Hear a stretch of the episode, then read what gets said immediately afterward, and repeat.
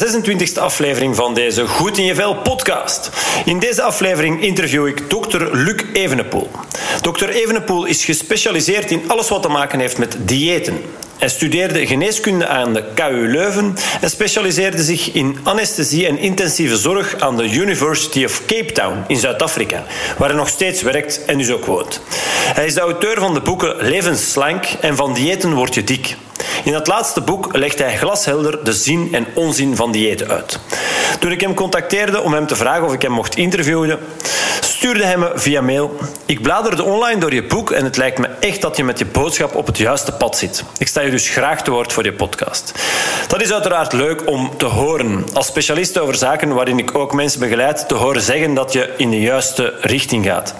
Via mijn coachings, maar dus ook via mijn boek. Wil jij mijn boek trouwens hebben? Wil je het doornemen, maar heb je het nog niet bij jou in de briefbus mogen vinden? Je kan het nog steeds gratis aanvragen, want ik geef als eerste Vlaming mijn fysieke boek gratis weg. Heb jij het nog niet? Vraag het dan gratis. Ik reken wel de verzendingskosten aan, maar de kost van het boek neem ik op mij aan via wordfit.be schuine streep boek, zodat Vlaanderen de fitste regio ter wereld kan worden.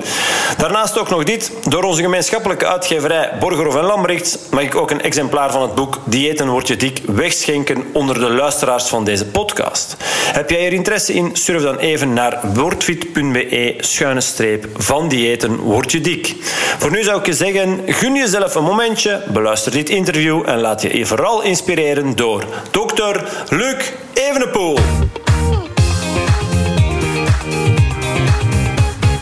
Dokter Luc Evenepoel, alvast bedankt om even tijd voor mij vrij te maken.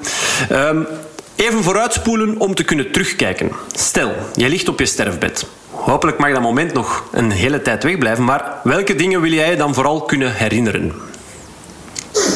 Herinneren? Um, wat mij voornamelijk zorgen zal baren, of waar ik voornamelijk veel plezier zou uithalen, is denk ik dat ik voor sommige mensen iets beleefd heb. Niet dat ik de wereld heb veranderd, alhoewel dat iedereen dat wel probeert natuurlijk. Maar dat er mensen zeggen van, kijk, die man die heeft mij dat of dit meegebracht, of die woorden van hem zijn mij blijven hangen en dat heeft veel betekenis gehad in mijn leven. Als ik zoiets van zo iemand kan horen en zeg me dat alsjeblieft voor ik doodga, niet op mijn begrafenis mis, dan, uh, dan daar zal ik wel tevreden mee zijn. Ja. Oké, en is dat iets wat je altijd in jou gehad hebt? Is dat iets wat je als kind al wist? Of is dat... Nee, als kind, als kind was ik doodsbang van het hiernamaals. Ik had dat op school geleerd in het uh, eerste, eerste kleuterklasje als ik vier jaar was. En er was mij gezegd dat het hiernamaals nooit stopt. En daar was ik echt doodsbang van. En jarenlang doodsbang van gebleven. Wat als het niet meevalt? Um, ja, dat is dan stilletjes aan verdwijnen natuurlijk. Uh, nee, ik ben er niet van als kind mee bezig geweest, maar ik vind wel dat iedereen in ons leven of in het leven een taak heeft. Zoals um, Christus is komen zeggen, of alle godsdiensten eigenlijk zeggen, eigenlijk moeten wij het paradijs op aarde bouwen. Dus iedereen draagt letterlijk ook zijn steentje bij. Dus ik hoop van mijn eigen steentje bij te dragen. In mijn werk, in mijn vrije tijd, in mijn relaties met andere mensen. En als ik daarin slaag, ja, dan vind ik mijn leven geslaagd. Ik word ooit wel vergeten, ik ben helemaal niet wereldberoemd, maar ik denk dat ik wel uh, um, in mijn kringen of in de mensen die mij kennen iets bijgedragen heb. Oké, en dat is een mooi, mooi gevoel en, en een mooie, mooi besef toch? Omdat... Ja, is misschien een beetje zelfzuchtig, maar eh, daarvoor bestaan we allemaal. We zijn er allemaal voor elkaar uiteindelijk. Homo sapiens is geen. Wij, wij zijn geen individuen. Homo sapiens is eigenlijk zoals algen, mieren, bijen, koraalrif en zo verder. Wij zijn eigenlijk een, uh, een massa-individu. Dus wij kunnen niet op onszelf bestaan. In tegenstelling met leeuwen en tijgers, wij moeten op elkaar kunnen betrouwen. Dus als jij mij niet vertrouwt, kan ik jou op een later stadium ook niet vertrouwen. Dat zit in ons DNA, zo zijn we geëvolueerd. Dus wij zijn eigenlijk een massa-wezen. Ehm, en zo moeten wij ons ook gedragen. Dus ik wil graag iets bijdragen tot de anderen. Zeg je dan van iets, iets meer durven tijd vrijmaken en in functie van een ander durven leven? En niet dat? Nee, dat, dat moet spontaan komen, zoiets. Kijk, als je je werk doet kan je dat op twee manieren doen. Gewoon naar je werk gaan om geld te verdienen, of je werk zo goed mogelijk doen en uh, er plezier uithalen en weten dat je daar plezier uithaalt omdat er andere mensen ook plezier uithalen of dat er andere mensen bij gebaat zijn. Als arts zijn er natuurlijk veel mensen bij mijn werk gebaat. Dat is redelijk gemakkelijk. Maar ook als je een gewone arbeider bent. Als je gewoon dat extra beetje meer doet de mensen zien zoiets en je gaat er zelf meer voldoening uithalen. En waarom? Dat zit evolutionair in onszelf in, want we weten dat, dat we op elkaar moeten kunnen betrouwen. Als ik iets voor jou doe, krijg je daar niet direct een beloning voor. Die beloning komt er weken, maanden of jaren nadien, als die andere persoon dan voor ons iets kan doen.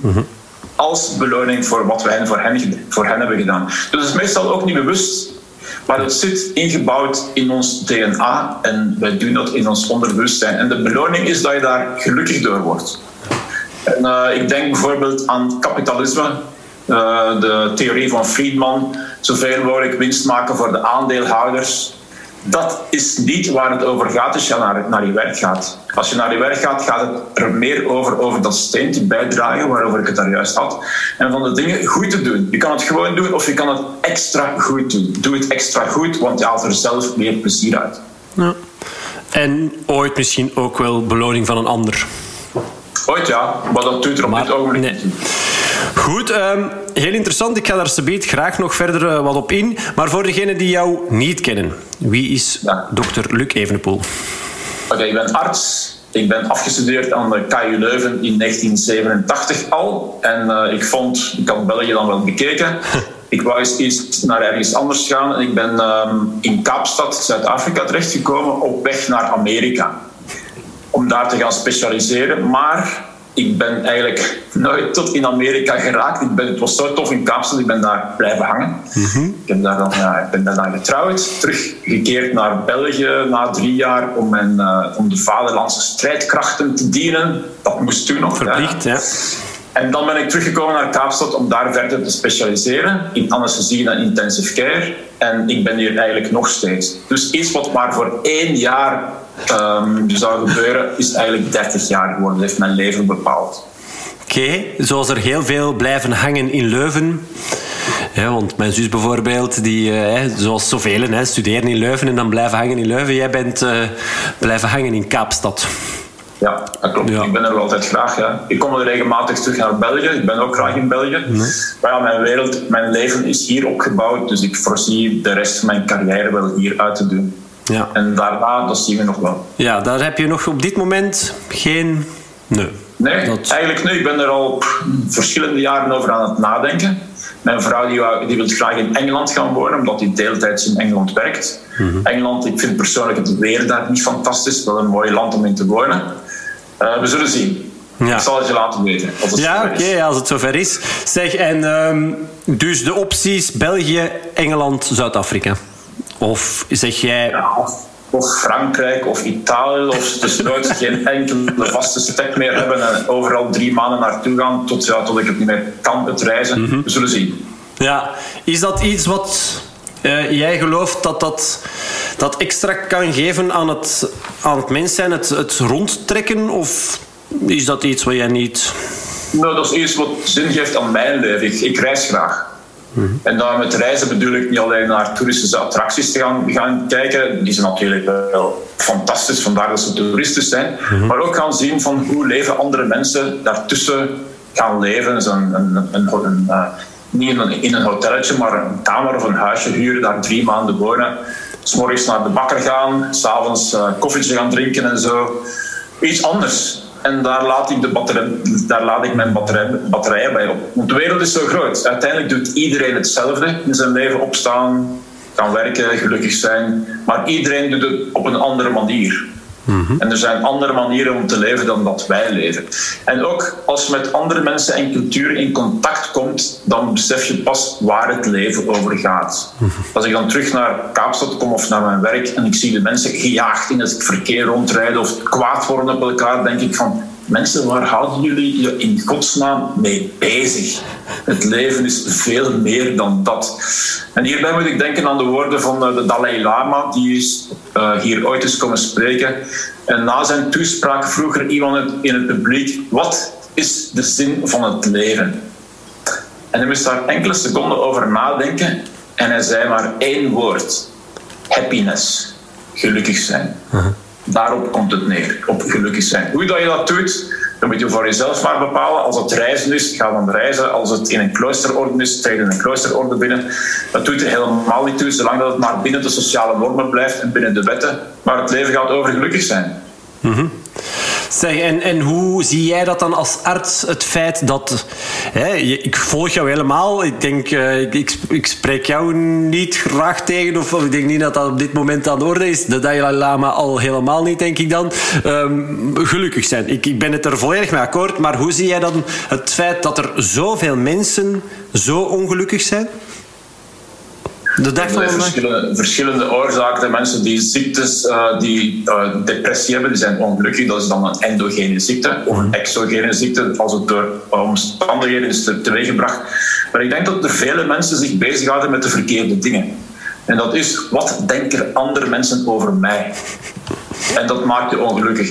En er zijn genoeg studies uh, gedaan op dit ogenblik, zeker bij jongeren Mhm. Die worden ongelukkig omdat ze bij hun sociale media zien wat hun soortgenoten, uh, waar hun soortgenoten mee bezig zijn. En die zien er allemaal zo veel gelukkiger uit. Nu, ik ken zelfs mensen van mijn leeftijd die op Facebook een profielfoto zetten die door een professionele fotograaf is gemaakt en bovendien nog gefotoshopt. Ze zijn bijna onherkenbaar geworden.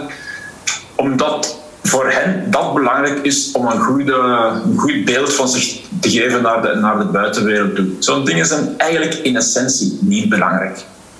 Geld maakt niet gelukkig. Je moet, een, je moet genoeg geld hebben om, uh, gemak, om, om uh, comfortabel te zijn natuurlijk.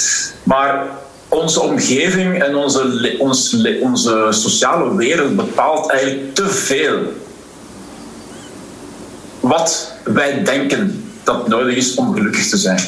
Hm. Zet het van je af.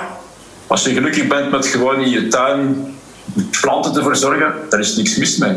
Als je, gelukkig, als je gelukkig bent met naar de fitness te gaan en bodybuilder te worden, daar is ook niks mis mee. De wereld bestaat uit verschillende personen, persoonlijkheden, interesses en zo verder. Zolang dat het voor jou maar werkt. Maar laat niet de, de rest van de wereld beïnvloeden wat voor jou gelukkig zijn is. Ja. Wat maakt je ongelukkig?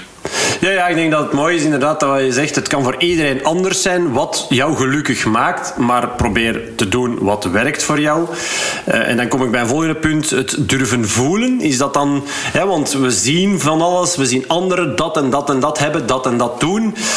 Maar wat wil jij dan als persoon is dat iets, hè? ja goed, ik denk dat jij als, jij bent, ja, ja, jouw intellect is, is denk ik bovengemiddeld, dat ik dat mag zeggen. Hè? Je bent arts, eh, je bent anesthesist, eh, goed.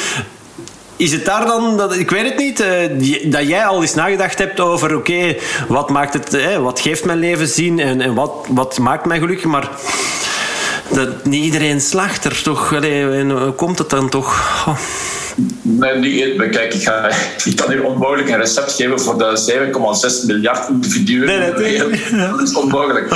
Nu, uh, um, daar moet ik nu wel eens over nadenken wat het meeste van de mensen gelukkig kan maken. Wel, er bestaan studies daarover. Um, en er zijn verschillende factoren die in de top 10 zitten, maar meestal zit in de top 10 niet de factoren die iedereen denkt dat erin zitten. Rijkdom bijvoorbeeld zit er niet bij. Gezondheid, tussen haakjes, zit daar eigenaardig genoeg ook niet bij. Wat er wel bij zit, is de kleine dingen in het leven. Dus de mensen die je omringen, de kleine dingen die je voor elkaar kan doen, die je intens gelukkig maken. Vrijheid, een stabiel politiek systeem, klimaat tot een zekere, tot een zekere mate. Ehm, jezelf kunnen ontplooien, stabiliteit in het leven en in de politieke sfeer en in het land waarin je leeft. Dat zijn, die zitten tussen de top 10. De rest, welvaart en zo verder, moet een zekere soort welvaart zijn. Als je op het einde van de maand niet meer weet waar de volgende maaltijd van, vandaan moet komen, het zal moeilijk zijn om, gelukkig, om gelukkig te blijven. Maar de rest is eigenlijk perifeer. Die gaan wel helpen, maar die zijn niet essentieel om, um, om uh, gelukkig te zijn. Bijvoorbeeld op een bepaald ogenblik, enkele jaren geleden, was Malawi een van de armste landen ter wereld. Werd er gevonden dat dat eigenlijk de gelukkigste mensen ter wereld zijn. Verschillende factoren.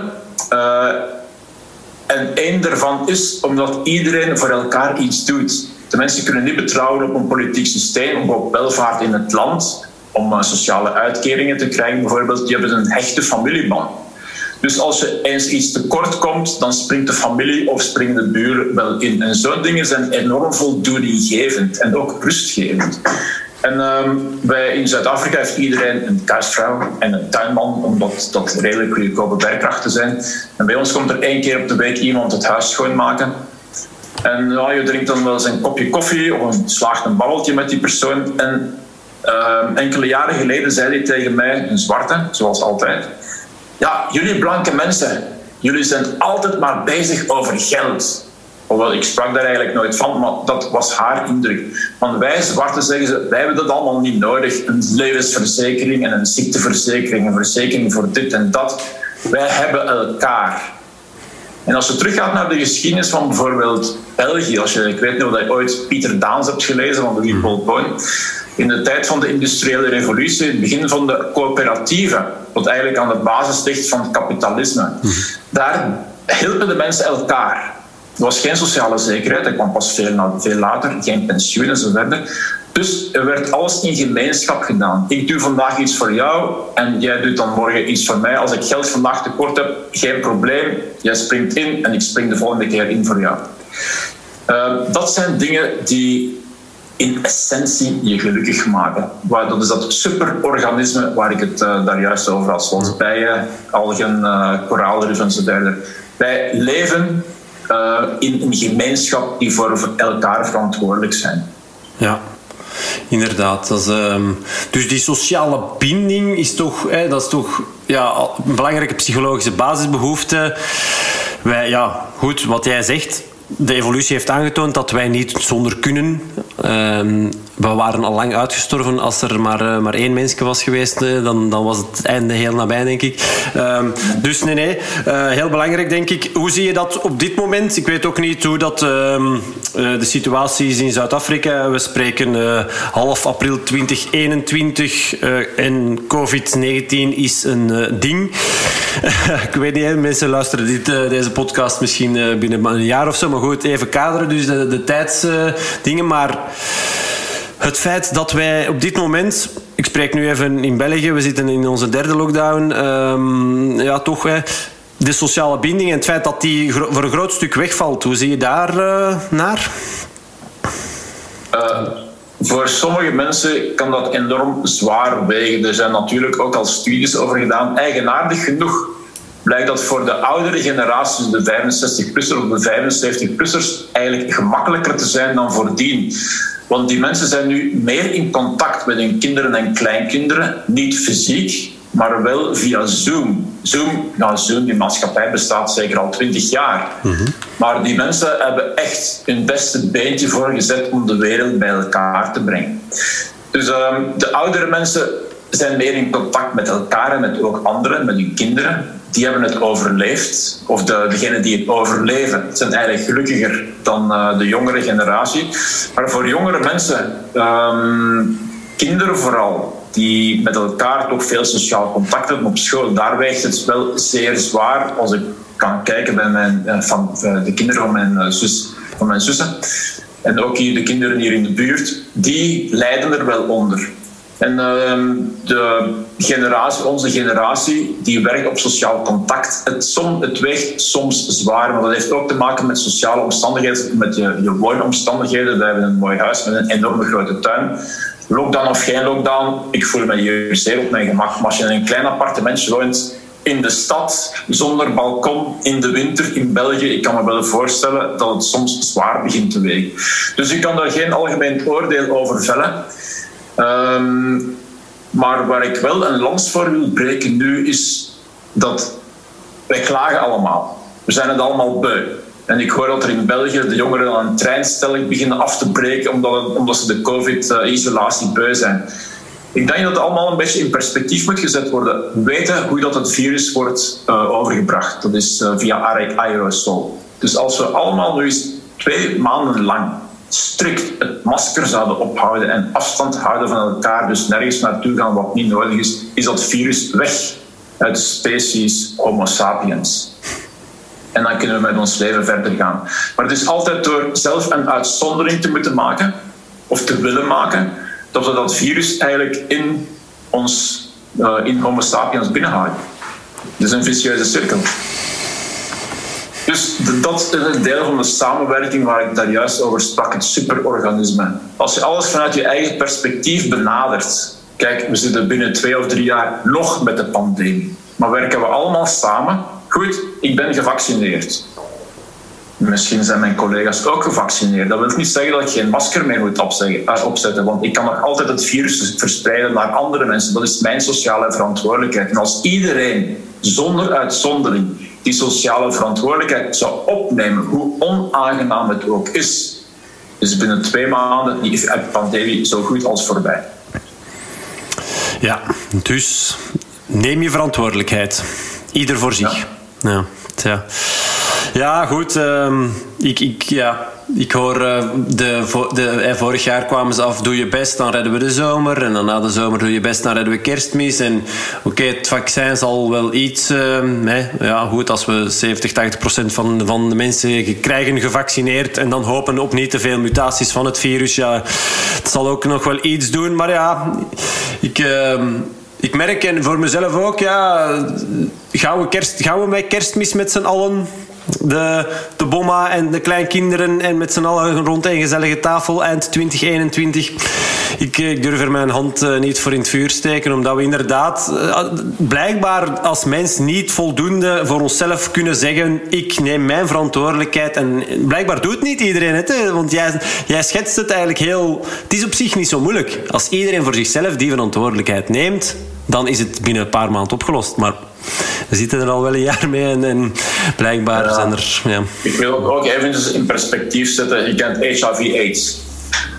Er zijn ondertussen al 3 of 24 miljoen mensen dood van die pandemie. Nu, al wat je daarvoor moet doen, is uh, steriele of ja, steriele naalden gebruiken als je een drugverslaafde bent, of een condoom gebruiken. Dat is al wat je moet doen. En toch lukken de mensen daar niet in. 23 miljoen doden. Een masker opzetten is nog gemakkelijker. Of misschien op hetzelfde niveau van gemakkelijkheid. Mensen slagen er ook niet in. Dus we moeten ons geen illusies maken. En helaas moet ik zeggen, de pandemie zal er nog wel enkele maanden of misschien zelfs jaren zijn. Ja, ja, ja. Ja, het is. Uh, wat, goed. Uh, genoeg over, uh, over de, de coronapandemie en miserie, toch een beetje wel. Uh, nee, goed. Ehm, ja, je, je gaf er straks al aan. Je bent uh, anesthesist in, in Kaapstad. Je bereidt patiënten voor op een, uh, op een operatie. Maar als ik goed ben ingelicht, dan bereid je ook obese patiënten voor op vermageringsoperaties. Ja, dat klopt inderdaad. Ja, vandaar dat ik mijn boek, of mijn twee boeken heb geschreven. Uh, die zijn succesvol geworden het zijn onder, wetenschappelijk onderbouwd, goedgekeurd door de, alle universiteiten waar ik het aan voorgelegd, ook door de nationale dieet, diëtistorganisaties of uh, stichtingen. En de reden dat ik dat heb geschreven is, je krijgt daar personen van 150, 200, 250 kilogram voor. Ja, ik moet die dan evalueren of die geschikt zijn voor anesthesie en voor die operatie. En je praat dan ook een beetje van hoe het gekomen is dat die mensen zo zwaarlijvig zijn geworden. En wat ze allemaal hebben gedaan om te vermageren. Want iedereen heeft zijn best gedaan natuurlijk. En het lukt gewoon niet. Vandaar dat ze inderdaad voor chirurgie komen. En de dingen die je dan hoort van de mensen. Soms is het van, hoe kan iemand daarin geloven? Maar ook langs de andere kant van, tja, zo had ik het nog niet bekeken en heb ik ergens iets gemist in de fysiologie of in de hedendaagse wetenschappelijke literatuur, want het klinkt zo geloofwaardig. En dan ben ik dat beginnen nalezen, want iedereen vraagt ook aan mij, ik ben nog altijd hetzelfde gewicht als 30 jaar geleden toen ik afstudeerde van de universiteit, 70 kilogram. Iedereen vraagt me altijd van, hoe komt het dat je altijd zo slank of op je gewicht blijft? En ik moet zeggen, ik wist het niet. Ik weet niet waardoor dat is. Ik doe mijn niks sport. Ik ben ook geen bourgondier. Um, ik doe wel regelmatig fysieke activiteit, maar ook al doe ik drie of vier maanden niks, als ik studeer voor examens bijvoorbeeld, dan ja, daar komt ook geen gewicht bij. Dus ik wist het eigenlijk niet. En dat dus samen met al die verhalen die je van patiënten krijgt, die ben dan beginnen onderzoeken. Wat is eigenlijk de wetenschappelijke basis van op je gewicht blijven of verdikken of verslanken? En ik heb dan zo uiteindelijk een paar duizenden artikels doorgenomen en uh, ik wou dan een pamflet over schrijven, maar een pamflet is dan 280 bladzijden geworden en goed onthaald door de bevolking. En uh, ik vond het zelf een beetje te veel, die 280 bladzijden, dus ik heb dat her herleid tot 80 bladzijden in mijn tweede boek. Wat de mensen dan weer al een beetje te weinig vonden. Het is nooit goed. Maar als iemand nog altijd geen zin heeft om 80 bladzijden door te nemen, kan ik mijn boodschap samenvatten in zes woorden en dus nooit in zes letters. Wat, is al, wat, wat dat is, zal ik op het einde van de podcast meedelen. Anders is het ja, dan stopt het. ja. Maar uh, ja. dus uh. zo is het gegroeid. Ja, oké. Dus zes letters, zes woorden. Het is op zich blijkbaar dus niet zo, zo moeilijk. En toch, we zijn nog nooit zo dik geweest met z'n allen. Er is nog nooit... Ja zoveel overgewicht geweest. Uh, als ik met mijn, uh, met mijn kennis, ik spreek vaak over ja, de energiebalans. Dat dat, ja goed, ik zeg vaak, het is wat erin gaat en wat eruit gaat, van, van voeding en van beweging. Uh, maar dat dat ook natuurlijk, ook dat in mijn boek bijvoorbeeld nuanceer ik ook, goed, een banaan is niet, elke banaan is niet even groot, elke peer weegt niet evenveel. Dus in, in onderzoeken dat daarnaar gedaan wordt, dat is altijd niet zo evident. Maar goed, jouw, jouw visie daarop uh, over de energiebalans of daarnaast andere, andere dingen? Mijn visie daarop is niet mijn visie, maar wel de, de visie van de, van de wetenschap. Ja. Dat calorie in, calorie uit, dat is eigenlijk een 19e eeuwse concept. Dat, min of, dat is niet volledig verkeerd, maar dat is min of meer achterhaald. En uh, in, op het einde van de 19e eeuw, ja, men, de mensen hebben al eeuwenlang onderzoek gedaan over voeding en uh, goed gevoed zijn. Maar het op het einde van de 19e eeuw was er een um, uh, Amerikaanse landbouwscheikundige met de naam van Wilbur Atwater. Die had ontdekt dat voedsel uit drie totaal verschillende moleculen bestond: koolhydraten, proteïne en vetten. En omdat tot het einde van de 19e eeuw redelijk veel armoede en hongersnood in de wereld uh, leefde, wou die eigenlijk nagaan wat het beste was om uh, arme mensen te voeden. Was dat een bepaalde voedingsgroep? Was dat een combinatie? Hij wou het weten. En wat hij dan gedaan heeft, is hij heeft voedsel, verschillende soorten voedsel verbrand in een caloriebom. In een caloriebom. Dus dan eigenlijk een reservoir dat in een um, uh, in een ander reservoir met water zit. En binnen in dat eerste kleine reservoir verbrandde hij voedsel, bijvoorbeeld spinazie of een raap of fruit enzovoort, of een stuk vlees. En door die verbranding wordt het omringende water opgewarmd. Nu, een calorie is iets van de tijdperk van de, um, van de stoommotor. En een calorie is de hoeveelheid energie die nodig is om 1 liter water met 1 graad te verhogen. Dus van 15 tot 16 graden om strikt te zijn op, zee, op zeeniveau, als we het allemaal goed weten. Dus hij verbrandde verschillende soorten voedsel daarin en hij vond dat een uh, verbranding van vetten 9 calorieën per gram bracht. Een verbranding van proteïne en koolhydraten elk 4 gram. Dus zei hij, het antwoord is voor de hand liggend. Geef aan die arme mensen vetten te eten, want daar houden ze meer bang for their buck, zoals ze in het Engels zeggen, dus uh, meer waar voor hun geld. en dat is eigenlijk het begin van uh, de moderne voedingsleer geweest. dat was een zeer eenvoudig concept, maar omdat het zo eenvoudig en gemakkelijk te verstaan was, uh, werd dat enorm populair. Enorm. En zijn we een week, een maand, een, geen maand, zijn we een eeuw later nog altijd met dat concept bezig. Dus een basisconcept was niet verkeerd. Als je inderdaad veel te veel calorieën eet, veel meer dan je verbrandt, dan ga je verdikken. Als je er veel minder eet dan je verbrandt, ga je vermageren. Dat is een axioma in de, in, uh, in de natuur. Maar het is niet zo eenvoudig.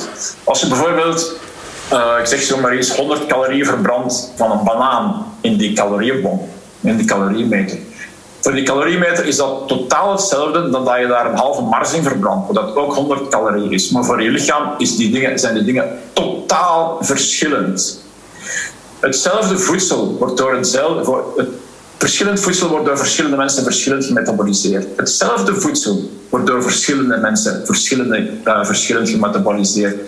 En eigenaardig genoeg, hetzelfde voedsel wordt door dezelfde persoon verschillend gemetaboliseerd, afhankelijk van de tijd van de dag, uh, de nabijheid van fysieke activiteit, hoe lang het geleden was en wat je gegeten hebt in de vorige maaltijd en zo verder. Het is enorm complex, is veel meer complex dan calorie in, calorie uit.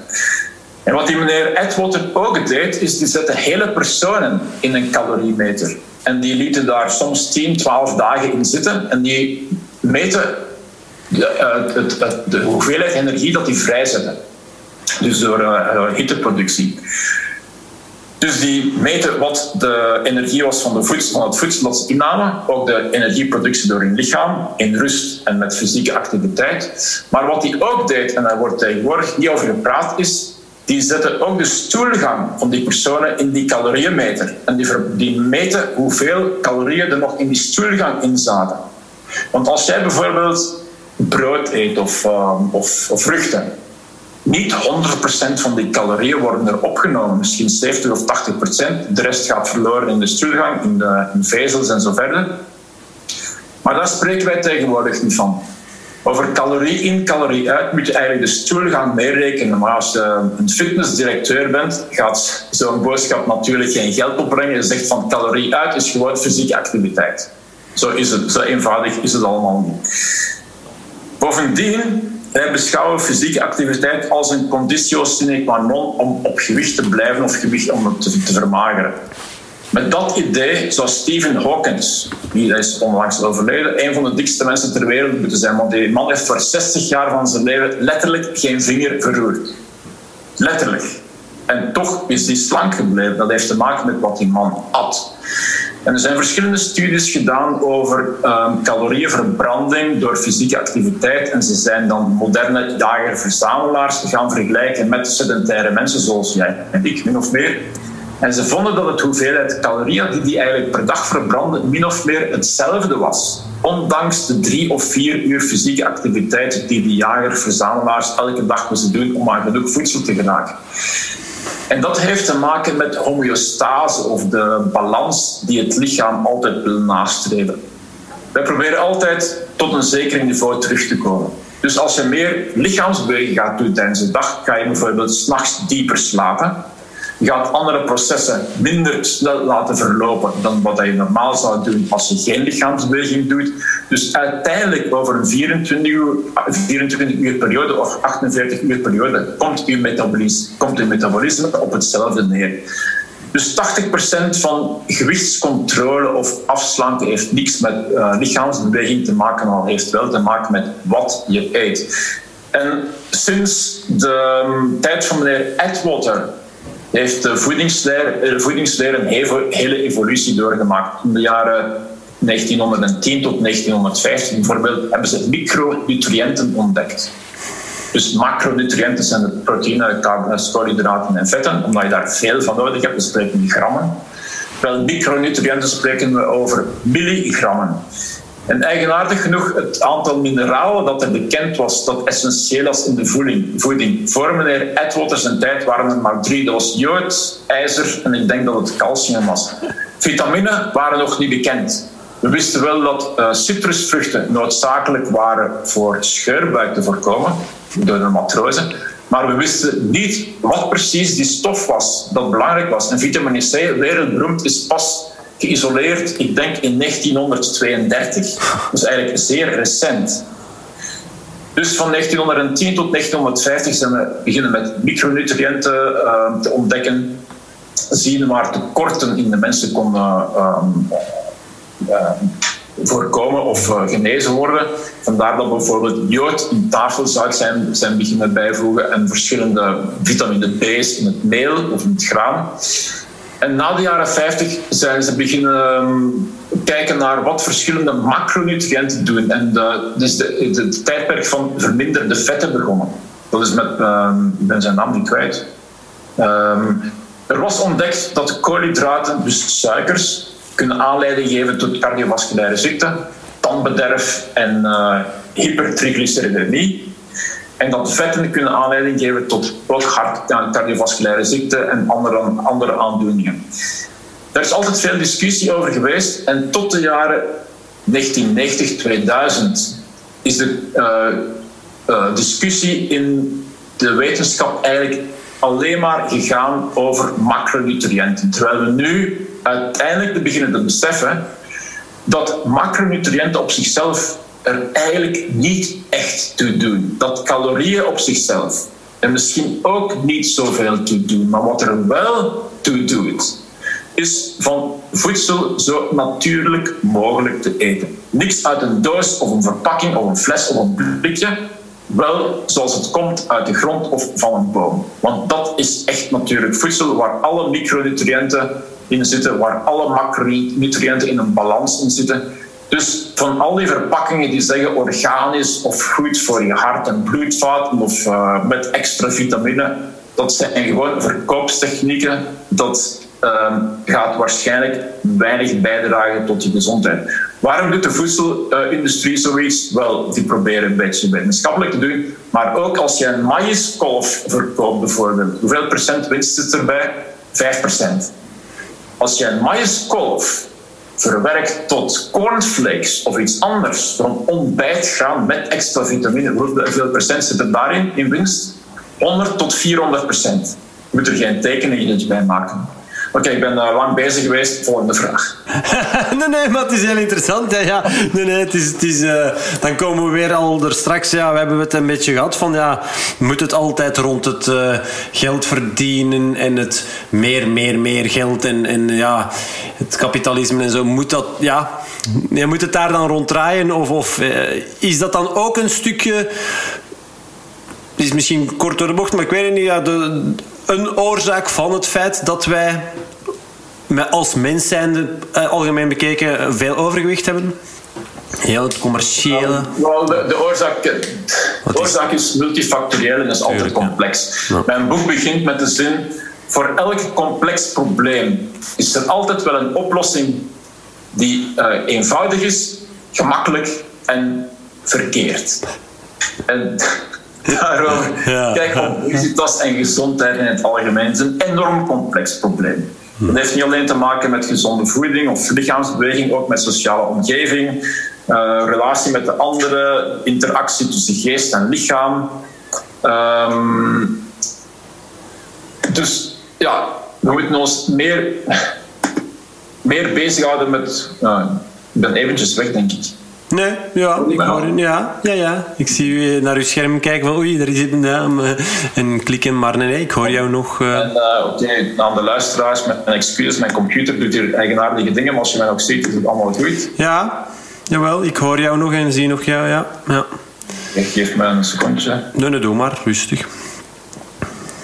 Oké, okay, ik zie je niet meer. Ah, nee? Oei, oké. Okay. Ja, maar je hoort mij nog wel, ja. Ja.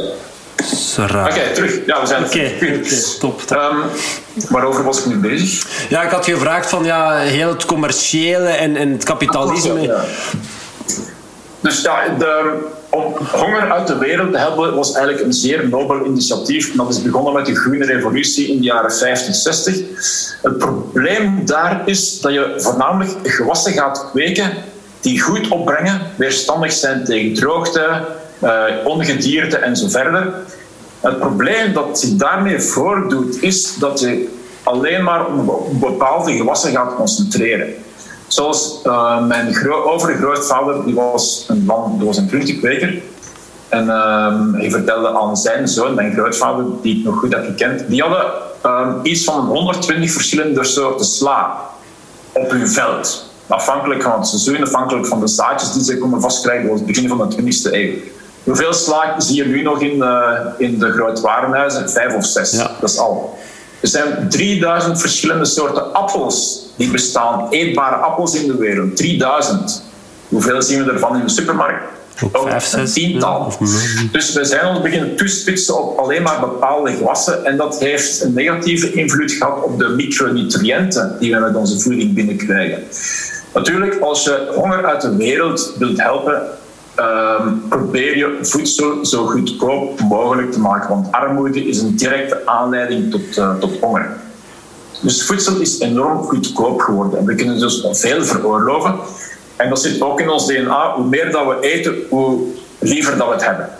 We eten met onze ogen. We zijn altijd een beetje, onze ogen zijn altijd een beetje groter dan onze, dan onze maag. Dat heeft ons moeder ons nog geleerd. Ja, inderdaad. Um, zalig. Ja. Maar ik hoor mijn bom uit zo echt zeggen zalig. Ja, ja. ja. ja. ja. Dus eten is goedkoper geworden. En uh, mijn vader dat was een uh, docent economie en die, ja, die hield veel van cijfers, schreef ook altijd alles op wat hij aan wat spendeerde. En in het begin dat die man getrouwd was, in het begin van de jaren 60, uh, maakte hij het rekensommetje 60 tot 70 procent van zijn maandbudget ging aan voedsel, werd besteed aan voedsel. Op het einde van zijn carrière, dus het begin van de jaren 2000, was dat nog 15% Dus voedsel is enorm goedkoop geworden. Dus ook minder waardig geworden. Dus we kunnen ons meer veroorloven. We eten ook meer, omdat het zo goedkoop is. Het kost ons allemaal geen moeite meer. Dus zoals ik zei, het is multifactorieel. We eten te veel. Onze porties zijn te groot, omdat ze goedkoop zijn. En ons voedsel is ook minder waardig. Als ik bijvoorbeeld denk aan mijn grootouders uh, toen ik drie, vier jaar oud was, um, daar was nooit geen snoep in huis. Nooit. Af en toe kreeg ik als snoep een lepel confituur. dat was mijn snoepje op een woensdagnamiddag als ik mij echt niet had gedragen. Maar 500 calorieën voor die mensen was een bord met aardappelen en groenten en als je geluk had een stukje vlees of vis erop. Terwijl 500 calorieën nu, dat is een Mars en twee Coca-Cola's. Maar dat helemaal... Hetzelfde aantal calorieën waar helemaal geen micronutriënten in zitten. En ik weet niet of je uh, fastfood eet, maar ik eet dat bijvoorbeeld nooit. Maar ehm, in onze familie hier in Kaapstad uh, sta je bekend als iemand die graag gezond eet en nooit geen junk eet. Nu, ik wist niet, ik wist dat niet, maar tussen de neefjes en de nichtjes was er een stilzwijgende competitie aan de gang. Wie gaat Luc ooit eens McDonald's kunnen doen eten? Dat was iets wat ik mijn leven nooit zou eten. Op een vrijdagnamiddag kwam ik terug van mijn werk en ik, was, ik had verschrikkelijke honger en er was geen voedsel voorradig. En ik ging naar de cricketmatch van, uh, van mijn neefje kijken. Cricket is hier zeer populair. Mm En zo'n cricketmatch die, gaan aan, die duren uren aan een stuk. En ik was scheurde van de honger. Wat waren zij gaan kopen? Voor iedereen McDonald's. Dus ik heb toen McDonald's, gegeten. en uh, mijn neefje heeft toen de competitie, competitie gewonnen. Maar waarvoor ik het verhaal vertel is een uur na die McDonald's. Ik had genoeg gegeten met fritten en uh, wat, wat die ook serveren. Een uur nadien had ik terug honger, want ik voelde er ontbrak iets in die maaltijd. Ik had wel genoeg macronutriënten binnen, vet, proteïne en koolhydraten, maar geen enkele micronutriënt. Hm. En ons lichaam voelt zoiets. En als er een gemis is, wil ons lichaam dat gemis uh, compenseren voor dat gemis en hoe doet het dat? Door je een signaal te geven van wij hebben hier een beetje meer voedsel nodig, want ik heb niet genoeg micronutriënten in gehad. Dus je eet meer. Maar als het natuurlijk meer is van dat minderwaardig voedsel, heb je te veel calorieën binnen. Heb je misschien uiteindelijk nog micronutriënten binnen, maar ondertussen ben je wel te dik van te veel koolhydraten, van te veel ja, calorieën. Ja. Zo zit het min of meer fysiologisch in elkaar. Vereenvoudigd natuurlijk, ja, vereenvoudig niet mhm. graag uh, de dingen niet, maar dat is min of meer de basis. Ons voedsel is te minderwaardig, vandaar dat we te veel moeten eten om ons voldaan te voelen. Ja.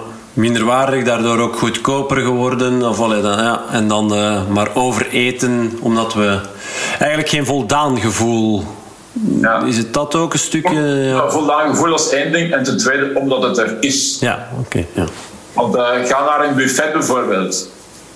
En ik maak me daar ook schuldig aan. Je hebt daar een overvloed van heerlijke dingen. Na je vierde entree heb je eigenlijk al geen honger meer, maar dan is er nog altijd de kip en het vis en de aardappelpuree enzovoort. En nadien is er dessert en na de tiramisu en de ijsrook moet je toch nog wel eens de, de appeltaart proberen, ja, appeltaart proberen en de chocolademousse. En er kan altijd nog wel een potje chocolademousse bij, maar het hoeft niet. En mijn grootmoeder had, uh, mijn moeder ook trouwens, had de spreuk van je moet altijd met een beetje honger ophouden. En uh, die, soms zegt ze daar iets extra bij. Op het einde van de maaltijd moet je met hetzelfde gemak hetzelfde nog eens kunnen eten. Ik heb dat altijd in gedachten gehouden. Dus dat is, een, van de, dat is een, vuistregel die mij heeft geholpen om tot op dit ogenblik uh, op mijn ideale gewicht te blijven. Dus twee regels. Ik eet nooit geen junk, maar ik zal af en toe een keer een cola drinken of uh, een stuk taart, maar dat moet dan altijd wel goede kwaliteit zijn. Ik ga nooit voor taart van ja, iets minder waardig. Mm -hmm. En um, kwestie porties uh, tijdens een maaltijd. Je portie moet altijd in het kuipje van je handen passen. Dus als je meer eet dan dat, eet je te veel. Oké. Okay. Eenvoudig. Heel dus als ik een bord voedsel voor mij krijg en ik zie dat dat niet in mijn handen zal passen, weet ik, ik ga te veel eten. Uit beleefdheid eet ik het dan op, zeker als je bij mensen bent. Maar als ik voor mezelf opschep, is dat min of meer de hoeveelheid die ik ga eten. Een bol. Like, like a ball. Ja. Like, hè. Dat is, zo, dat is iets... Je niet spijlen, dat is soefelen. Ja, dat zeg je inderdaad zo'n... Uh, ja. Dus je twee handen echt... Uh, zeg, en is het dan... Um, Oké, niet te veel junkfood. Uh, proberen gaan voor natuurlijke producten, dus hoogwaardiger, uh, meer kwalitatief uh, voedsel. Maar zo, ik, een jouw handje vol. Um, je eet dat dan en, en zeg je dan van oké, binnen x aantal uur terug, is dat dan echt op, op je gevoel en op op, op het hongergevoel.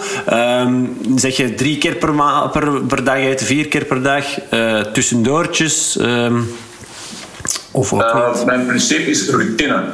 Uh, en dat is, ook, dat is ook duidelijk bewezen als je op elke dag een routine hebt van 8 uur s morgens ontbijt, 1 uur s middags um, uh, uh, middageten, rond een uur of 6 of 7 s'avonds avondmaal dat uh, die eenvoudige dingen dragen al direct bij tot um, een normale voedselinname. Dat is trouwens ook bewezen bij muizen. Ik herinner me een studie die, ik, uh, waar, die, die ik ben tegengekomen, waren muizen en um, de ene, waren allemaal muizen die, die begonnen als slanke muizen, die dan in twee groepen verdeeld. En de eerste groep kreeg toegang tot voedsel op bepaalde tijdstippen, dus op drie keer per dag. En de tweede groep muizen kreeg toegang tot hetzelfde voedsel op onregelmatige tijdstippen. Soms drie keer per dag op onregelmatige tijden, soms één keer per dag, soms niks voor twee dagen en dan vijf keer per dag op de, de, de, de volgende dag. En op het einde van de testperiode hadden de muizen die um, op onregelmatige tijdstippen eten kregen, veel meer, veel meer calorieën gegeten dan de muizen die op regelmatige tijdstippen eten kregen. En de reden is dat als je op onregelmatige tijdstippen eet, is er iets fysiologisch in je lichaam dat zegt van oei, ik moet hier een voorraad inslagen, want ik weet niet wanneer de volgende maaltijd komt. Mhm. Dus ik overeet. En dat is iets dat niet alleen in muizen zit, maar ook in ons, uh, in ons evolutionair, uh, evolutionair in, ons, in onze hersenen. Dus wij overeten als je onregelmatig eet. Dat is een van de kleine tips die in mijn boek staan. Er zijn er nog tientallen andere. Mijn eerste boek stond er 174. We moeten niet alle 174 toepassen natuurlijk. Hier en daar eentje is genoeg, maar je moet die dan wel volhouden. En zoals je daar juist sprak van drie, keer, drie keer per dag eten. Ik weet nog dat in België ook die rage bezig is van intermittent vasten. Ja. Dus het, ja, ja, ja, zeker en vast. Ja, ja. ja 16, 8, uh, ja, dus ja, 8, ja, 16, 18, 18, ja. Dezelfde uh, flauwekul als de lage koolhydraten dieet. Dat zit allemaal wel een, een greintje wetenschap in maar als je dat echt begint te analyseren, is, uh, dus in wetenschap, er zit een laagje wetenschap bovenop. Dus een dun laagje vernis, maar één keer als je dat daar hebt afgekrapt, blijft er niks van over. Trouwens, als je iets introduceert in je leven, dan moet je daarmee kunnen verder gaan voor altijd. Want anders heeft het geen zin. Het heeft niet veel zin van 10 kilo te vermageren op 6 maanden en dan die terug te winnen. Dat is eigenlijk meer schadelijk voor je lichaam dan gewoon 10 kilogram constant overgewicht te zijn. Ja. Ja, dat had ik hier ook uh, inderdaad. Ik heb het ook in mijn boek staan. Ik, uh, ja, dat ook met jou ook bespreken. Het stond hier in mijn voorbereiding dat dat effectief jojoen zo ongezond is. En dus dat het effectief um, gezonder is om heel je leven 5 of, of zelfs 10 kilogram te veel te wegen dan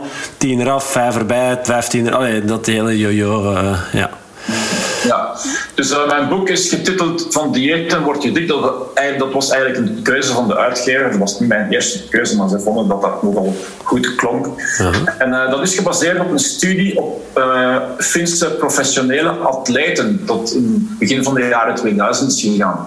En ze hebben op middelbare leeftijd atleten vergeleken die in hun professionele carrière uh, meededen aan sporten met gewichtscategorieën of zonder gewichtscategorieën. Dus voor een gewichtscategorie competitie moet je altijd een paar kilo's verliezen. Dus ze vergeleken worstelaars en gewichtheffers met voetballers en um, langlaufers. En op middelbare leeftijd hadden die gewichtscategorie atleten, dus de gewichtsheffers en uh, en uh, worstelaars bijvoorbeeld, hadden die drie keer meer risico op overgewicht voetballers en langlaufers en mensen die niet moesten jojoen om tot een bepaald gewicht te komen. Dus natuurlijk, er wordt in elk vrouwenblaadje en mannenblaadje staat erin van ga dit en dat dieet en je verliest zoveel kilogram in zes maanden of in zelfs drie weken. Ik denk er altijd bij, dat is allemaal goed en wel. Maar als je dat gewicht er niet kan afhouden, dan doe je jezelf eigenlijk meer schade dan goed. Dus vergeet van al die diëten, die werken niet. Introduceer in je leven gewoon iets wat je voor de rest van je leven kan volhouden. In het begin is dat moeilijk, maar als je, voor, als je uh, weet, je weet dat waarschijnlijk ook vanuit yoga of vanuit boeddhisme, als je iets voor drie of vier weken hebt volgehouden, is dat een gewoonte geworden. Dan moet je het gewoon verder blijven doen. Mm Ja, nou ja, dus het volhouden zit hem echt in iets te vinden, iets kleinschalig, iets makkelijk toepasbaar in jouw leven en dat dan blijven doen. Zit tot daarin? Wat voor jou werkt? Want ik zeg het, in jouw leven uh, is dat... Want uh, iedereen mens is anders. Uh, dus dus jouw boek, 174, hoeveel waren het er? Ze, ze nemen die door.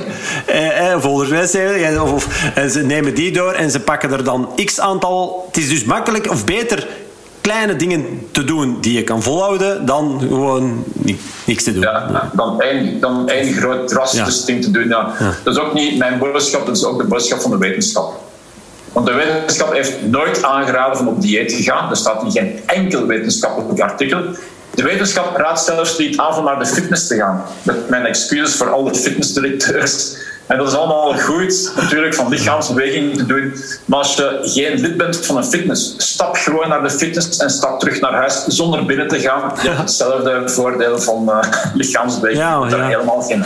Ja, het is wel grappig dat je het zegt. Mijn boek, Fit zonder fitness. Uh, het gaat nu ook, ook niet per se over de fitnesscentra of zo, maar gewoon het feit. Ja, oké, het gaat nog iets verder van. Oké, de mentale fitheid mag je ook niet vergeten in mijn, in mijn ogen. Dus dat het niet gaat. Mijn, de, ik vind het grappig, want mijn boodschap die ik probeer te brengen, of probeer te brengen, is van het gaat niet over sportief of gespierd zijn of zo. Hè. Fit zijn, het gaat over ja, voldoende energie kunnen overhouden om naast de dingen die je moet doen ook nog te kunnen genieten van actieve vrije tijdsmomenten. En dan mentaal fit, ja, dat je ook gewoon het merendeel van de tijd een positieve gemoedstoestand ervaart.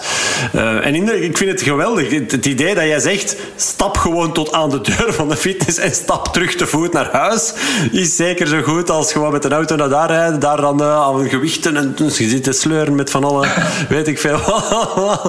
ja. Het is een grappig, ja. grappige... En als je spreekt over lichaamsbeweging, lichaamsbeweging is, zoals ik het juist al zei, overroepen uh, voor gewichtscontrole. Het is wel nodig dat je iets doet, want dat zit gewoon ingebouwd in ons DNA. Heel, we hebben honderdduizenden jaren lang twee of drie uur fysieke activiteit moeten doen om aan genoeg voedsel te geraken. En dat zit er in ons DNA, dat zit er nog altijd in. Maar dat hoeft niet in een fitness te zijn. Dat kan gewoon alles zijn. Dat kan gewoon je huiswerk doen, naar, in, in de tuin werken, naar de fitness stappen of gewoon met de fiets rondrijden. Eenvoudig. Maar vind iets wat dat in je lichaam, eh, in je, in je leven past en wat je ook graag doet. Ik speel bijvoorbeeld dolgraag tennis. Dus voor mij om te gaan tennis spelen is helemaal geen moeite. Ik kijk daar maar uit. Mijn vrouw die danst enorm graag. Die doet helemaal niet graag balsporten. Die krijgt geen tennisveld op. Maar die kijkt elke dag uit naar haar uurtje dansen. Mhm. En nu is dat ook via Zoom. Dus dat kan van thuis uit. Maar dat doet ze al twintig jaar lang. Maar laat haar nu niet gaan lopen of, of gewicht heffen of zo, dan geeft ze dat binnen de week op. Maar zij vindt dansen doodleuk, dus dat doet zij. Ja. En dat hoeft ook een uur te zijn, kan een half uur per dag zijn, maar iets waar je echt naartoe, echt naar uitkijkt. Ja. En belangrijk is ook, als je thuis komt van je werk, ik weet af en toe, je bent moe, je hebt geen goesting meer, je gaat op de zetel zitten. Maar ga iets van fysieke activiteit doen. Gewoon rondstappen, vlug naar de winkel lopen of zoiets. En plots ben je terug volledig wakker en opgewonden en je hebt zin in de rest van de namiddag, in de rest van de avond. Ja, ja zeker. Even die hartslag omhoog, voelen dat je leeft. Of, ja. Oké. Ehm, zeg, eh, we hebben er straks, we hebben het er juist uh, 16-8 of intermittent fasting. Uh, zijn er nog andere diëten um, waar dat jij iets... Uh, want je bent dan um, ja, je bent je gaan verdiepen in de wetenschappelijke literatuur over zware lijvigheid, maar je hebt ook de gangbare diëten onder de loep genomen. Zijn er zo nog diëten waar dat je zegt van ja, daar moet ik u toch nog wel echt iets over zeggen? Of, of ja, ik weet niet. no, ja, kijk, er zijn Um, ik heb dus nagezocht. In het Engels is weight loss diet. Ja. Als je dat intikt in Google, ik heb het nooit in het Nederlands gedaan, maar wel altijd in het Engels, weight loss diet, dan komen er in punt 8, in 1800ste van een seconde, krijg je een half miljard websites. Een half miljard. Ik heb natuurlijk niet allemaal gelezen. Nee. Maar uh, ik kan er over het algemeen, sommige diëten zijn echt te belachelijk om los te lopen. En dat er mensen daarin kunnen geloven, dat, snap ik helemaal. Zo is bijvoorbeeld het, 12 minuten dieet of zoiets. Je moet elke 12 minuten eten, gewoon om je metabolisme aan de gang te houden. Wie dat zoiets heeft uitgevonden, God, ja, die mag opgehangen worden. Maar sommige, sommige dingen zijn, en uh, ik weet niet of dat in België uh, ook nog een rage was, in elk geval een rage, in Zuid-Afrika ook, de rest van de wereld, het lage koolhydratendieet. Daar krijg ik nu echt de zenuwen van, van zoiets. Ik eet elke dag koolhydraten, maar geen geraffineerde koolhydraten. Ik eet havermout morgens met noten. Ik eet... Uh, aardappelen als goede Belg bij het middagmaal. En ik eet elke avond brood. Als ik moet kiezen tussen, mijn wagen, tussen een wagen en brood, dan kies ik voor brood. Ik kan niet leven zonder brood. En ik, ben, ik heb 5% eh, lichaamsvet. Eigenlijk een beetje te weinig. Dus het komt eraan op hoeveelheden, maar ook welke soort koolhydraten.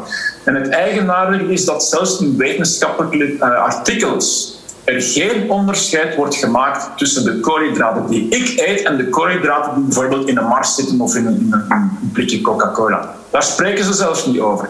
Er is dus niks mis mee met koolhydraten zoals die ongeraffineerd in de natuur voorkomen, maar wel, wel mis met de dingen die de voedselindustrie met die koolhydraten doet.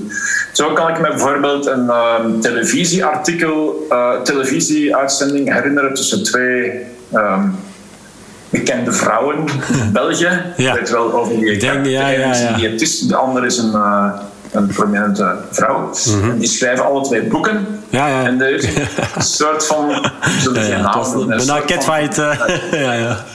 Gebekvecht ontstaan op televisie over... Ja, maar in uw kookboek heeft toch 20 van de 24 recepten met koolhydraten.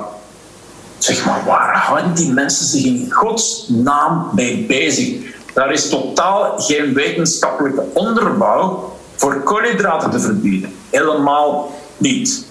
Het principe komt van uh, de fysiologie is wel uh, simplistisch, zoals ik juist zei. Voor, elke, voor elk, elk, complex probleem is er altijd een oplossing die eenvoudig is, gemakkelijk en verkeerd. Het principe komt van de fysiologie. Als je koolhydraten eet, zet je lichaam insuline vrij.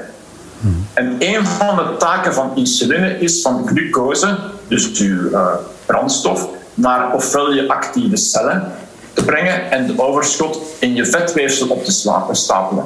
Dus zeggen de mensen van de lage koolhydraten: oké, goed, koolhydraten zetten insuline vrij, insuline geeft je vetweefsel.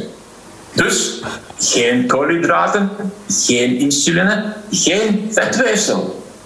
Nu, ik ben een fervent voorstander van de dingen van eenvoudig te maken. Maar dat is niet eenvoudig, dat is simplistisch zoiets. Om te zeggen dat we insuline in ons lichaam hebben om ons dik te maken, is hetzelfde als zeggen dat we bloed in onze bloedvaten hebben om ons bloedklonters te geven. Ja. Dat is gewoon hetzelfde. Dat is gewoon een complicatie ervan. Vraag een keer aan diabetici of ze insuline een belangrijke stof vinden. Mm -hmm. Een retorische vraag natuurlijk. Dus ja, Uh, lage koolhydraten diëten, vergeet het maar. Inderdaad, geraffineerde koolhydraten, laat het zo. Ik eet ook wel eens graag een stuk taart of een stukje chocola, maar ik maak het de moeite waard. Dus ik eet nooit, ik eet dat geen drie keer per dag bijvoorbeeld. Als ik een stuk taart eet, is dat als ik bij mensen thuis ga, dat is dan thuisgebakken taart. Als het uit de winkel komt, eet ik het gewoon niet. Chocolade, dat is van een zeer goed merk. Zoals type Marcolini in België. Mm Mocht geen merknamen doen. ja, doe maar, doe maar. Voel je vrij. dat, is, dat, is, dat is duur, maar dat is echt de moeite waard. Dus ik zet mij neer en ik heb een stukje chocolade één keer per week met een kopje koffie. En ik heb daar echt deugd van en ik ging daar drie dagen nadien nog altijd van. En daarop komt het aan. Het is niet dat je jezelf uh, alles moet ontzeggen, maar eet gewoon en af en toe een versnapering of een, uh, een zondetje mag wel, maar dat moet niet vijf keer per dag zijn. Nee, nee, nee. Nee, nee, zeker niet. Ja, ja. Ik, uh, wij eten bijvoorbeeld elke week wel frietjes en dan daarna drink ik een, een echte cola. En dan eet ik wat mijn moeder noemt uh, vulgair snoep. En ik bundel dat vrijdagavond en ik geniet daar echt, ik kijk daar een hele week naar uit en ik, kijk, ik geniet er nog een hele week van. Um, en dat is zo ons momentje en dat is ongezond, maar dat is wel super lekker, vind ik persoonlijk. En ik, allee, dus, dus ja, het moet uh, denk ik zeker wel kunnen. En, en ja, soms verschieten mensen daarvan. Hè, dat je inderdaad uh, ja, dat, dat dat toch doet. En dat je soms zo is een, of, een, uh, ja, een uitspatting zo. Dat is... Uh, ja, soms denken mensen dat het... Een, uitspatting, een uitspatting mag zeker en vast, maar laat het af en toe zijn. Geen vier keer per dag. Het is dat. Een groot verschil. Ja. Zeg, en, en um, we hadden er straks, voordat we begonnen, eh, voordat ik op de recordknop uh, drukte, al even over het feit dat, um, ja, dat het me heel interessant leek. En ja, dit interview tot nu toe bevestigt dit alleen maar, maar het leek me heel interessant om jou te interviewen ook over het feit dat er zoveel mensen, ja bij mij komen en, en dat ja, die, die hoge lat ervaren. Hè. Het feit dat we allemaal precies een bikini-model moeten zijn. Um, dat is weer, hè, ook er straks hebben we dat ook al even uh, aangehaald. Wat anderen over jou denken. Ja. Daar uh, zijn ook veel wetenschappelijke studies over gedaan, zeker en vast sinds de sociale media, de antisociale media naar voren zijn gekomen. Maar uh, ik vond eigenlijk een van de eerste studies dat er is over gedaan, is over de Fiji-eilanden. Dat is een uh, eilandengroep in de Stille Oceaan. En daar zijn wetenschappers in het begin van de jaren 90 nagegaan wat de invloed van televisie was op de jonge vrouwen in die eilandengroep. Want tot voor de jaren 90 waren die eigenlijk nooit blootgesteld aan westerse invloeden. Er waren landbouwers en als je als vrouw of jonge vrouw een klein beetje vet aan je lichaam had, was het eigenlijk een voordeel, want dat betekende dat je familie genoeg geld had om je goed te voeden. En dat betekende ook dat je sterk genoeg was om je mannetje te staan op het land. Nu, begin van de jaren 90 kwam de televisie daarin.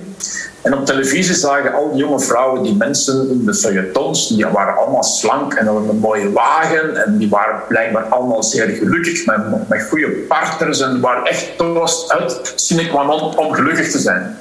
Binnen de twee jaar waren 70% van die jonge vrouwen in Fiji op een dieet gegaan om proberen af te slanken. En waren er uh, 50% van jonge vrouwen bij de psychiater terechtgekomen wegens eetstoornissen. Iets waar voor de televisie nooit of nooit een probleem mee was. Dus het is gewoon de Fiji-eilanden, uh, ja, een beperkte groep natuurlijk. Maar dat is kentekenend zoiets. Ja. Voor wat er eigenlijk aan de gang is. Onze sociale normen dicteren hoe we er moeten uitzien. En kijk, sommige mensen hebben een lange neus, anderen hebben een korte neus. Of dat je een beetje dikker bent op je billen of rond je schouders. Het doet er allemaal niet toe. De mensen ga je daar niet over oordelen. Wat, wat er wel gebeurt is dat je denkt dat de mensen je daarover gaan oordelen. Maar ze doen het niet, ze zien het zelfs niet. Dus zet je er gewoon over. Langs de andere kant, um, en dat staat ook in mijn boek, als um, een nieuwjaarsfeestje plant en je hebt daar die prachtige jurk in je kleerkast hangen, maar je zou eigenlijk best 12 of 13, 12 of 13 kilogram moeten afslanken. En het is vandaag tweede kerst. wees realistisch. Ja. Ga een andere jurk kopen. Ja. Ga niet op een dieet. Nee. nee, nee. Misschien voor volgend jaar, maar dan nog eigenlijk niet. Hè. Dat is juist de hele boodschap die, die, die jij wil brengen, die we nu, denk ik, aan de, aan de luisteraar willen meegeven het is niet, niet, nu aan de orde of een goed ding om 12, 13 kilo te willen afvallen, maar ook binnen een jaar niet. Het is niet, allez, want je zou dan kunnen zeggen, ah, dan uh, uit 12 kilo, ah ja, wel elke maand 1 kilogram en dan volgend jaar, met oudjaar, kan ik dat mooie kleedje aandoen, maar nee. 12 kilogram op een jaar, dat is, dat is te doen, dat, dat gaat eigenlijk tamelijk snel. Uh, want Ehm, de eerste 5, 6 kilo, als je ordentelijk begint te eten en gezond voedsel begint te eten, meestal zijn dat geen suikers of minder geraffineerde koolhydraten. En de eerste paar kilo's die je verliest, zijn altijd water omdat insuline-vrijstelling uh, door geraffineerde koolhydraten, dat zet zout vrij in je lichaam en dat, uh, weerhoudt, of dat weerhoudt zout in je nieren en daardoor ook water. Vandaar de grote populariteit van de lage koolhydraten dieet. De eerste 2, 3 kilogram gaan er enorm snel af, maar dat is water. Uh, en daarna komt pas het vet. En ik zie dat bij mezelf ook. Bijvoorbeeld als ik op zondag een keer een paar stukjes staart heb gegeten, uh, een beetje pistolet en wit brood, ik ben op zondagavond eigenlijk 2 kilogram dikker dan op zondagmorgen. En dat is niet vet, maar op maandagavond is dat er allemaal terug af, omdat ik het water heb uitgescheiden. Dus ehm, ja, je hebt een beetje basiswetenschap nodig om um, je gewicht te bepalen, om je gewicht onder controle te houden. Maar als je 10 kilogram wilt verliezen in een jaar, dat kan gerust de eerste 2, 3 kilogram gaan snel gaan. En als je echt normaal eet, volgens mijn zes woorden of zes letters, um, hoe dat je dat doet, dat laat ik aan jezelf over, dan kunnen die 10 kilo er inderdaad af binnen de 10 jaar. Sommige mensen kunnen het niet alleen. Um, als we nog eventjes tijd hebben, geef ik daar graag een anekdote van. Dus uh, een vrouw kwam voor pre-operatieve evaluatie en die vrouw was 155 kilogram. En die was 155 centimeter groot ook. En die kwam in in een rolstoel. Die was 58 jaar oud, eigenlijk net iets te oud voor vermageringschirurgie. En toen ze in mijn uh, consultatiekamer binnenkwam, barstte die uit in huilen. En, ik wist eigenlijk niet goed wat ik daarmee moest doen. Ze had mij nog niks gezegd. En ze zei tegen mij, dokter, wat ik nou aan u ga vertellen, heb ik nog nooit aan iemand anders verteld. En wat er gebeurde is, als zij 16 jaar, 16 jaar oud was, was zij tijdens de vakantie zwanger geworden van haar vriend. En ze was in een zeer strikte familie op, uh, grootgebracht en uh, ze, mocht, ze moest dat kind uh, baren. Maar één keer dat, dat, ze bevallen was van dat dochtertje, heeft ze dat kindje of dat babytje nooit zelfs één seconde mogen vasthouden. Dat is direct van haar weggenomen en voor adoptie opgegeven. Ze was toen 16 jaar oud. Ze was slank. Ze heeft voor, voor dat gemis gecompenseerd door te beginnen eten. En ze heeft heel haar volwassen leven morbid obese doorgebracht tot haar 58ste jaar.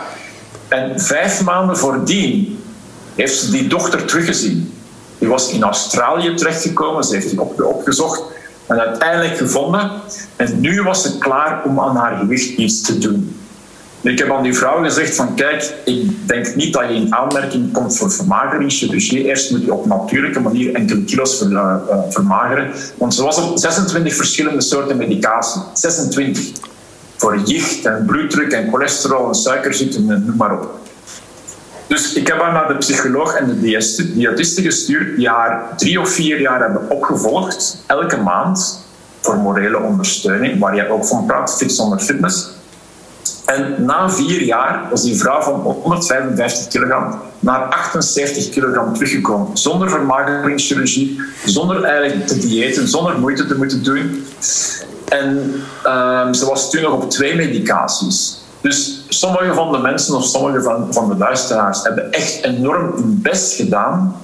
Maar als het niet op jezelf kan, is er echt geen. Um, uh, is het echt nodig van hulp in te roepen van professionelen. Dus een psycholoog of een diëtiste.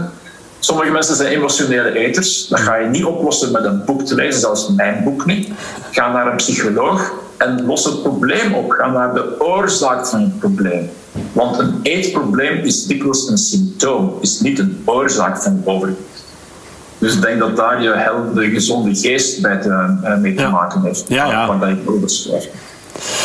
Zeker, ja. Daar, uh, ja, ja. Het gaat ook een stukje over emo eten. En uh, nu goed, zonder dat ook... Uh, ja, het gaat niet, denk ik ook niet altijd over het feit dat je je slecht voelt. Hè, want we eten ook gewoon vaak omdat we ons goed voelen. Uh, eten we vaak ja. meer. En, dus, dus ook dat nuanceer ik in mijn boek wel. Maar nee, nee. Um, ja, ik, ik kan het alleen maar bijtreden dat er heel veel mensen... Um, omdat ze zich slecht voelen, omdat er iets is gebeurd dat ze niet verwerkt hebben, dan toch maar om dan even een goed gevoel te hebben gaan eten. En ja, als je dat natuurlijk blijft doen en blijft doen en blijft doen, jaren aan, jaren aan een stuk, dan kan je dus in ja, het voorbeeld dat jij geeft uh, in zo'n situatie terechtkomen. Dus... Um, durf te graven, denk ik dan ook. Hè. Dat, dat, dat datgene wat is wat jij ook aangeeft. Hè. Voelen, durven graven en ga datgene wat, wat de, de belemmerende gedachten of het, de oorzaak is van dat hele emo-eten, ga dat dan ja, probeer dat aan te pakken, stapje per stapje. Ja. ja, heel mooi. Uh, goed, um, ja, we zijn ondertussen toch weer al uh, een uurtje en bijna tien minuten bezig. Maar um, ja, je hebt, ik heb ook nog twee uh, vragen waar ik mij afrond over het algemeen. Maar ik ben heel benieuwd. Jij sprak over zes woorden, zes letters. dus, en dat gingen we opsparen voor het einde van, van dit interview. En we zullen daar stilletjes aan maar naartoe gaan naar het einde, stel ik voor. Dus, zes woorden. Ja, benieuwd. Eet natuurlijk voedsel in natuurlijke hoeveelheden. Dus voedsel dat aan de boom groeit of uit de grond komt. Niks uit een verpakking, een doos of een, of een blik. Eet natuurlijk voedsel in natuurlijke hoeveelheden. Zes woorden. Of in zes letters. Minder. Ja. Minder. Je mag alles eten. Gewoon een beetje minder. Mm -hmm. Dat is het. Okay. Dus daar minder is, ik heb er juist gesproken van uh, voedsel met in je hand, handen passen. En een kleine, klein trucje eet gewoon op kleinere borden. Zeer, zeer eenvoudig. Want als je op een kleine bord, op een klein bord dezelfde hoeveelheid schept als op een groot bord, ziet de hoeveelheid op het kleinere bord er meer uit dan op het grotere bord. En wij eten ook met onze ogen. Dus als je een voldoeninggevend uh, hoeveelheid voedsel ziet, gaat je, ga je van minder hongerig van de tafel weggaan dan als je een, um, een hoeveelheid voedsel ziet die minder voldoeninggevend is. Ik heb hier ondertussen uh, een, uh, mijn dochter lief. Die, ja, zeg eens dag. Zeg eens dag, Helena. Hallo. Dag. Dag, Helena. De dokter zit wel in Zuid-Afrika, hè? Wij zijn daar ja. toch mee aan het bellen. Ja, zij komt even melden dat ze een nieuw boekje heeft. Dus uh, bij deze. Nee, um, ja, minder. Dus, um, en natuurlijk voedsel. Dus natuurlijk onbewerkt in natuurlijke hoeveelheden. En, uh, ja, dat is heel simpel verwoord, maar ik denk heel makkelijk toepasbaar voor iedereen, toch?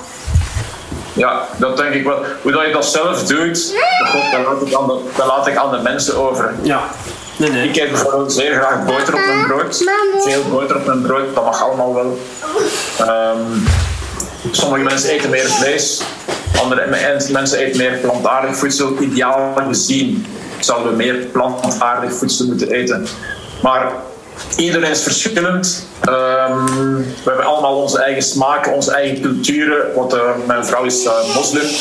Dus wat haar familie eet is anders dan wat ik eet. Waarmee ik ben grootgebracht in België. Maar dat, is, dat mag allemaal. Er zijn verschillende culturen, verschillende smaken. Eet natuurlijk voedsel in natuurlijke hoeveelheden is toepasbaar in de hele wereld. Ja, ja. Ja, en variëren is dan toch ook wel een dingetje dat... Ja. Dat wel heel belangrijk is.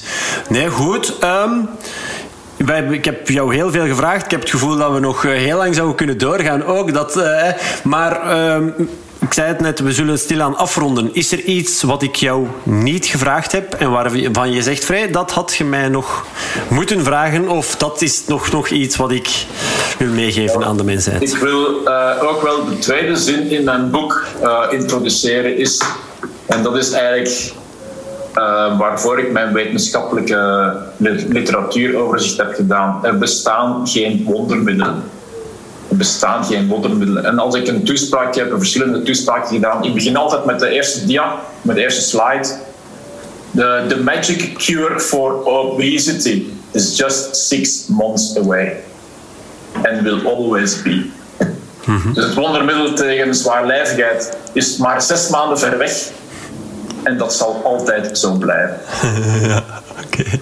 Er gaat altijd wel iemand op de markt komen met een nieuw boek en een nieuw wondermiddel, zoals intermittent fasting en zo. Vergeet het. Nee. Laat het gewoon. Ja.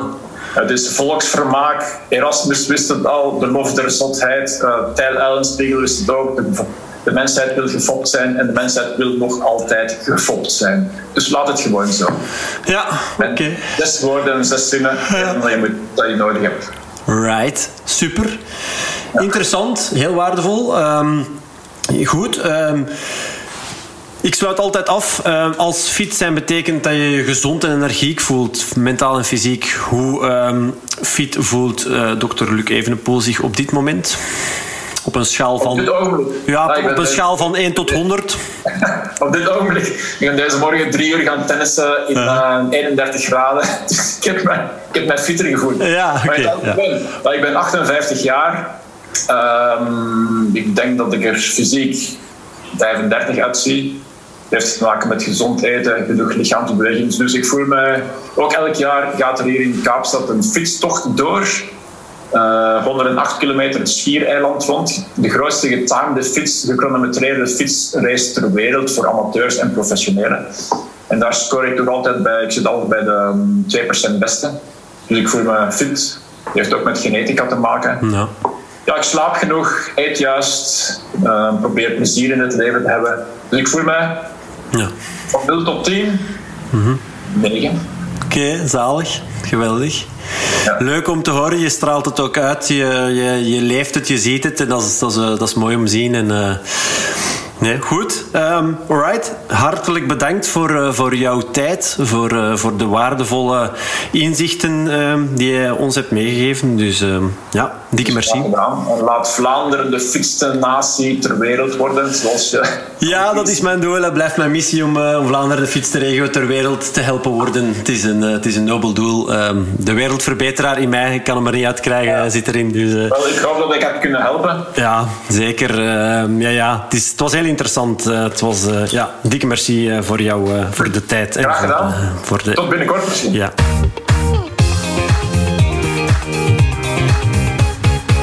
Dat was hij weer al. Zeer boeiend en inspirerend, toch? Wil jij dokter Luc Evenepoels boek winnen? Surf dan even naar www.wordfit.be schuine streep van diëten word je dik. Wie weet ben jij binnenkort dan wel de gelukkige winnaar.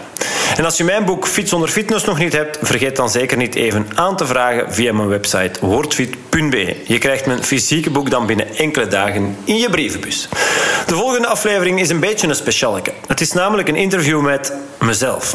Ik werd voor een schoolopdracht van Xander van den Einde, een jonge snaak die hier normaal stage ging komen lopen, maar wegens corona dat niet kon doorgaan, geïnterviewd over dat wat ik allemaal doe, waarom ik het doe, de weg die ik heb afgelegd en nog heel wat meer.